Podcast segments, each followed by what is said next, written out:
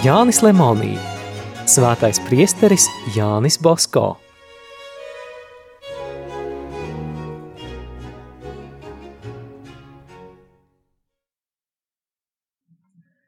Šajās dienās Florencē atgadījās brīnišķīgs notikums, kurā patiesību ar zvērestu apliecinājuši cilvēki, kas to redzēja savām acīm. Marķīze Hieronima Ugučioni Gerardi ļoti mīlēja savu krustdēlu, kas priestrim Bosko uzturoties Florencē pēkšņi saslima un nomira. Tikko kundze šo ziņu saņēma, tā steidzās uz mūku skolopu institūtu, kur Jānis Bosko bija apmeties. Vienkārši ģērbusies, kailu galvu, Saugdama, lai viņu ielaiž pie Jāņa Bosko, viņa to satvērusies piedurknes sāka vilkt un lūgt, lai viņš ietu piecelt viņas nomirušo krustdēlu. Mūki nodomāja, ka sieviete sajukus un pūlējās viņu aizturēt, bet Marķīze turpināja vilkt priestariais piedurknes un raudādama sauca, lai viņš nāk tai līdzi. Jānis Bosko iežēlojās par nelaimīgo sievieti un aizgāja uz mirušā māju – Zēns vēl pavisam mazs gulēja bāls, sastindzis, stiklainām acīm savilktu seju. Visi raudāja. Zēns bija miris. Priesteris Bosko uzaicināja visus klātesošos lūgties jaunavu Mariju kristīgo palīdzību un svētīja nomirušo. Viņš vēl nebija pabeidzis rituāla vārdus, kad mazais atvēra acis, nožāvājās, sāka elpot, sakustējās, atguva samaņu un pagriezies pret māti pasmaidīja. Marķīze, saprotams, visiem stāstīja par priestera Bosko izdarīto brīnumu. Vēl 1881. gadā viņa vairākas reizes šo gadījumu atstāstīja priesterim Konfortolī. Labā kundze bija pateicīga priesterim Bosko, ne tikai vārdos, bet arī darbos. Salezijāņi viņu sauca par Florences māti – Gribējām saņemt drošas ziņas par šo brīnišķīgo notikumu. Tāpēc pajautājām priesterim Bosko, un viņš mums apliecināja, ka tas, ko mēs stāstām, ir patiesība. Viņš tikai kautri piebilda, varbūt zēns vēl nebija miris. Tajās dienās, kad priesteris Bosko staigāja no ministrijas uz ministriju, Marija kristīgo palīdzība bez pārtraukuma piešķīra saviem palīgiem sevišķas žēlastības. Visus valdības uzdotos pienākumus nokārtojis Jānis Bosko staigāja pa dažādām iestādēm savas kongregācijas darīšanās.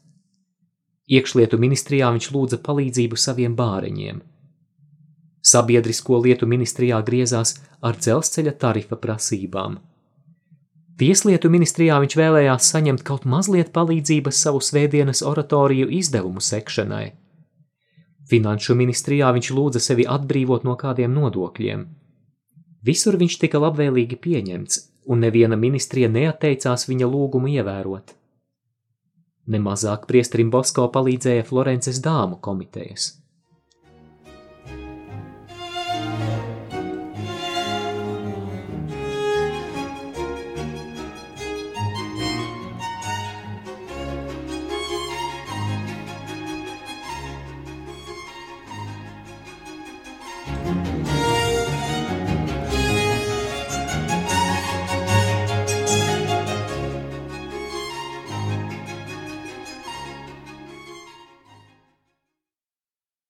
20. decembrī Jānis Bosko atgriezās Turīnā. Dažas ģimenes bija ziņojušas valdībai, ka priesteris Bosko biedē zēnus tiem pravietodams nāvi. Tāpēc tūliņ pēc priesteri Bosko atgriešanās mājās pie viņa ieradās karaļa sūtnis ar pavēli, lai viņš audzināšanā nelietotu tādus asus un terorizējošus līdzekļus. Karaļa vēstījumu izlasījis sūtnis vēl pievienoja – Ja jūs neņemsiet vērā šo brīdinājumu, man būs ļoti nepatīkams pienākums jūs arestēt. Jānis Basko mierīgi paskaidroja, ka viņš zēnus nebaidot, tikai viņu dvēseļu pestīšanas dēļ esot spiests izsacīt arī līdzīgas prognozes. Nu labi, iekarsis viņam atcirta sūnis, ja jūs esat spiests sacīt tādus paredzējumus dažiem, tad sakiet tos atsevišķi tiem, kurus tas interesē, bet ne visiem atklāti. Kā gan jūs gribat, lai es pravietoju? Man liekas, būtu ļoti slikti sacīt, tu tad un tad mirsi. Protams, kā tad pēc jūsu domām man rīkoties? Klausieties, priesteri Basko, ja jau tā tiešām ir, kā jūs sakāt, tad es vēlētos jums ko jautāt. Klausos. Vai jūs varat man pasakīt tā zēna vārdu, kas pēc jūsu domām drīz mirs? Priesteris bija ar mieru, tikai pieprasīja, lai nekādā gadījumā nevienam to nesaka. Tad viņš ar skumju seju izrunāja Jānis Boģēro. Sūtnis šo vārdu pierakstīja un zemu paklanījies aizgāja. Nosauktais bija jauns priesteris, salēzietis. Nesen viņš no kongregācijas izstājās, jo it kā divas viņa māsas bez viņa palīdzības nevarot iztikt. Priesteris Bosko tam pretojās. Viņš lika šo soli nopietni pārdomāt, bet redzēdams, ka šis priesteris tāpat vairs negrib palikt pie viņa sacīja. Ej, kā zini, zēna, ja jau tā gribi, palīdzi savām māsām, bet es tev saku, ka tavas palīdzības viņām nemaz nevajadzēs. Tu domā, ka varēsi palīdzēt, bet tu nepalīdzēsi. To es tev saku. Sācis strādāt kā vikārs Villan Franko pilsētiņā, priesteris Jānis Boģero jutās it kā uzkāpis laimes kalnā. Tikai 14. decembrī pēc svētās mises gaidīdams kafiju, viņš nomira no apopleksijas lēkmes. Pēc Ziemassvētkiem karaļa sūtnis ieradās oratorijā – Uzzinājis, ka paredzējums piepildījies, viņš iegāja priestera Bosko istabiņā un iesaucās. Priesteri Bosko, sakiet, ko vien gribat saviem zēniem. No šī brīža jums dotas visas atļaujas, kādas vien varu dot. Tagad zināšu, ko atbildēt tiem, kas par jūsu pravietojumiem sūdzēsies. To teicis viņš noskūpstīja Jāņa Bosko roku un promdodamies atkārtoja: Tā ir neparasta parādība, neparasta parādība.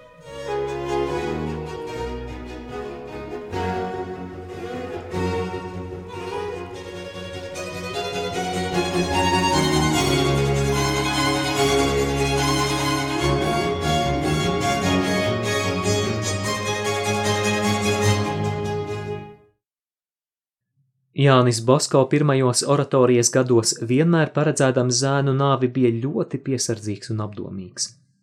Pat nereizes viņa paredzējums nebija kļūdains.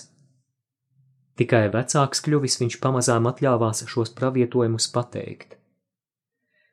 Vienmēr no viņa izturēšanās, īpaši no viņa noskaņas, ar kādu viņš uzzināja par savu zēnu nāvi, varēja secināt, ka viņš jau to agrāk zinājis, kad kurš viņa audzēknis mirs.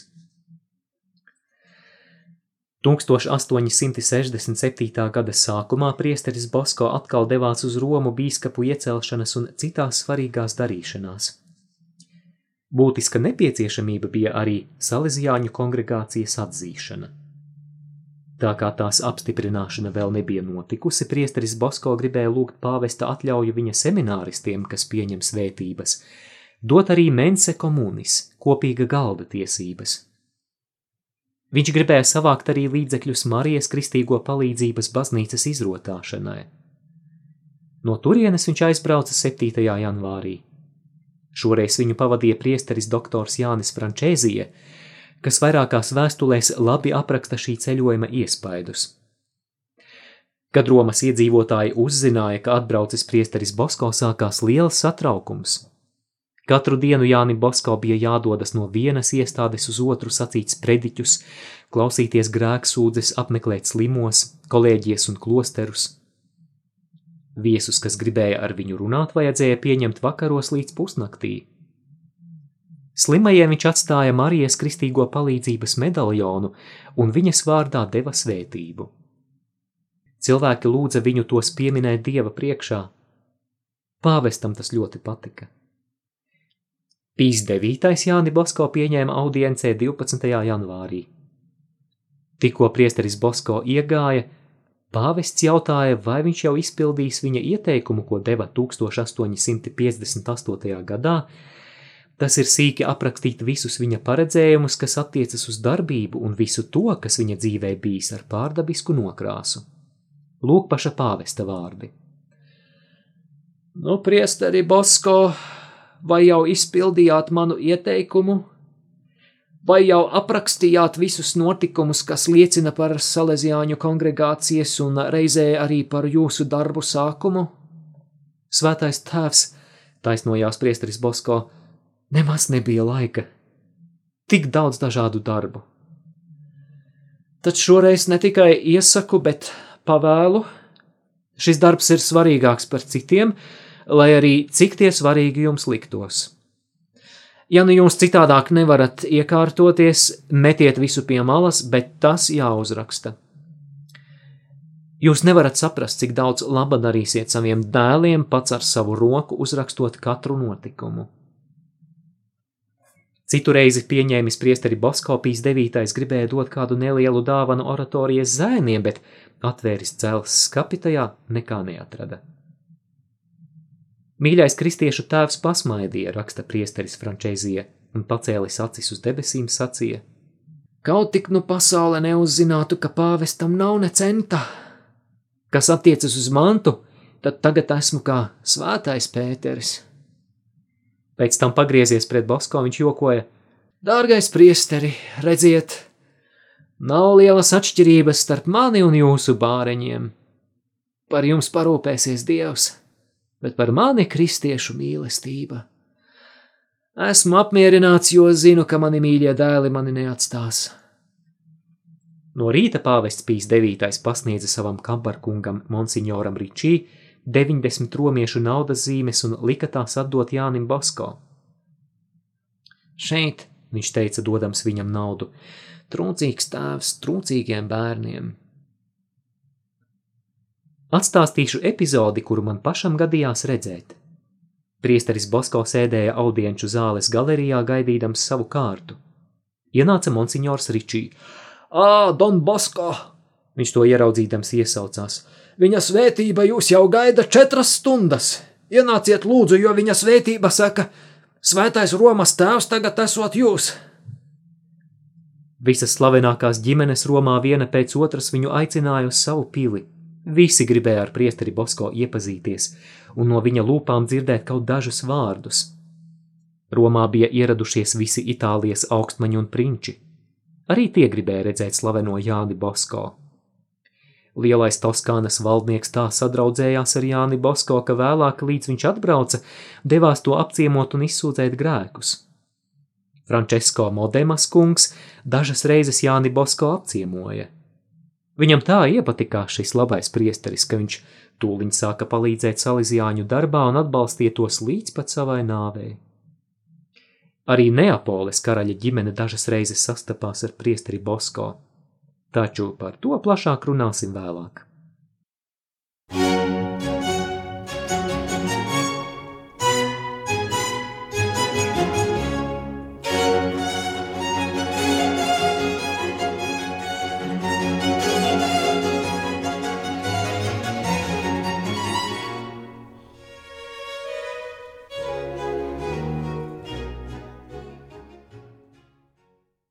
Visa Tortolonijas augstmaņu saime raksta priesteris Frančēzija. Visi, kas bija veseli, devās sagaidīt priesteri Bosko pie pašām durvīm. Tortolonijas dišciltīgo saime, kas nelabprāt kustējās atbraucot karalim, sagaidīdama Jāni Bosko pie vārtiem tam parādīja lielu godu. Soras augstmanis Rudolfs Bankompaņī Ludovisī vēlāk kļuvis Pjombīno valdnieks, uzrakstīja skaistas atmiņas par priesteri Bosko ciemošanos viņa villā – Dišciltīgais vīrs pie viņa gāja arī izsūdzēt grēkus. Kādu rītu iegājis kapelā, priesteris Bosko tikko spēja ieiet sakristējā. Gan iekšā, gan ārpus tās drūzmējās cilvēki. Vēl grūtāk bija iziet no tās. Ejot pa ielu, stāsta priesteris Frančēzija, nebija viegli valdīt asaras. Priesterim Bosko parādoties no visām malām pie viņa sāka skriet mātes ar bērniem, kundzes, kungi, priesteri, mūki un visi lūdza svētību. Daži slaucīja asaras. To vidū bija arī pāvesta pils sardzes virsnieks grāfs Nannerīnī. Tas viņu aicināja uz savām mājām svētīt slimo sievu. Priesteris Bosko tikko spēja iekāpt viņa pajūgā. Visa iela bija pilna ar cilvēkiem, bet ielas malās atradās slavenu dzimtu pajūgi. Jānim Bosko braucot garām, visi nometās ceļos un sauca: Priesteri Bosko, svētī mūs! Priesterim Bosko gribot negribot bija jāsvētī ļaudis Romā, kur tādas tiesības bija tikai pāvestam. 17. februārī Jānis Bosko atkal devās uz Vatikānu, lai apmeklētu kardinālu Antonelli. Kāda ievērojama dāma uzgaidāmajā telpā gribēja sevi pagodināt, atdodot viņam vietu. Kardināls viņu pieņēma ļoti sirsnīgi, satvēra viņu roku, to noskūpstīja un ievedis priesteri Bosko savā istabā, pastāstīja, ka Marijai kristīgo palīdzībai aizlūdzot, viņa veselība esot manāmi uzlabojusies. Viņš lūdza priestera Bosko svētību un lūdza, lai uzdāvina viņam Marijas kristīgo palīdzības medaļonu. Jūs taču nesat zēns, eminence, nosarcis teica priesteris Bosko. Vai nu esmu vai nesmu zēns, jums jāsvētī, ietiepās kardināls. Priesteris Bosko nesvētīja, bet nometies ceļos noskūpstīja kardināla gredzenu. Taču arī kardināls nometās ceļos, un priesterim Bosko bija viņu jāsvētī.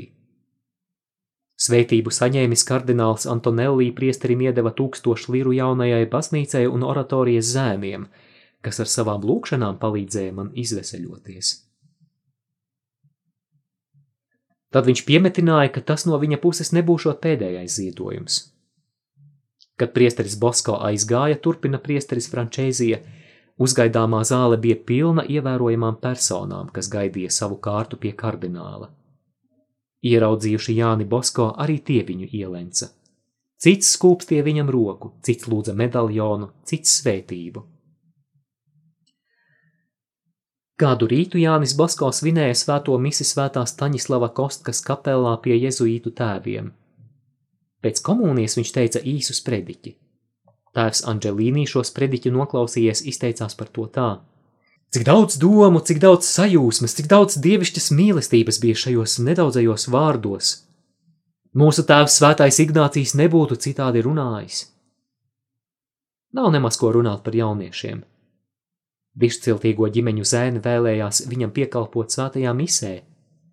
Lielākās Romas audzināšanas un mācību iestādes kā Collegio Romano, Collegio Nazareno – aicināja viņu atbraukt, lai audzēkņiem pasacītu kaut vai dažus vārdus. Reiz ieraudzījuši Bosko, tie viņu vairs negribēja laist projām. Visi Romā runāja par priesteri Bosko svētumu. 22. februārī viņu aicināja apmeklēt kādu slavenu ģimeni, kur viens no dēliem bija slims ar tuberkulozi. Viņš bija jau pavisam vārgs, bet par grēksūdzi negribēja nedzirdēt. Beidzot mājinieku pierunāts viņš nolēma izsūdzēt grēkus, bet tikai priesterim Bosko. Tikko Jānis Bosko piegāja pie slimnieka gultas, zēns satvēra viņa roku, to noskūpstīja, vēlāk ar pūlēm atsēdās, viņu apskāva un iečukstēja ausī. Priesteri Bosko, noklausies manu grēksūdzi! Pēc pusstundas visus iepriecinājis priesteris Bosko aizgāja – bet jauneklis vēl dažas stundas nodzīvojis mierīgi un svēti nomira. Jāpiemin, ka braukdams uz Romu priesteris Bosko lūdzās, lai nekā sevišķa un brīnumaina ar viņu nenotiktu. Viņš to lūdza arī Romā. Šoreiz Dievs viņu uzklausīja, bet drīz atkal parādīja viņa lūkšanu un svētības sekas. Mazais tikko divus gadus vecais grāfa de maistrē dēls Pauls pēkšņi saslima. Viņam piepampa seja un kakls – Priesteris Bosko 16. februārī svētīja zēnu un celebrēja svēto misi svētā Kārļa baznīcā. Kad viņš svēto misi bija beidzis, slimnieks jutās daudz labāk. To apliecināja arī ārsts.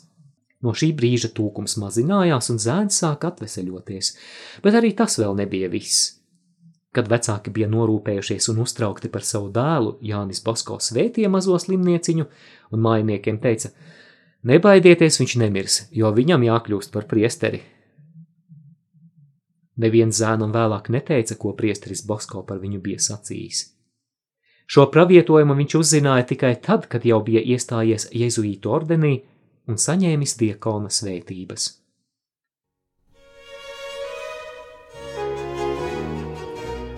Izskanēja lasījums no Jāņa Lemonija grāmatas Svētais priesteris Jānis Bosko.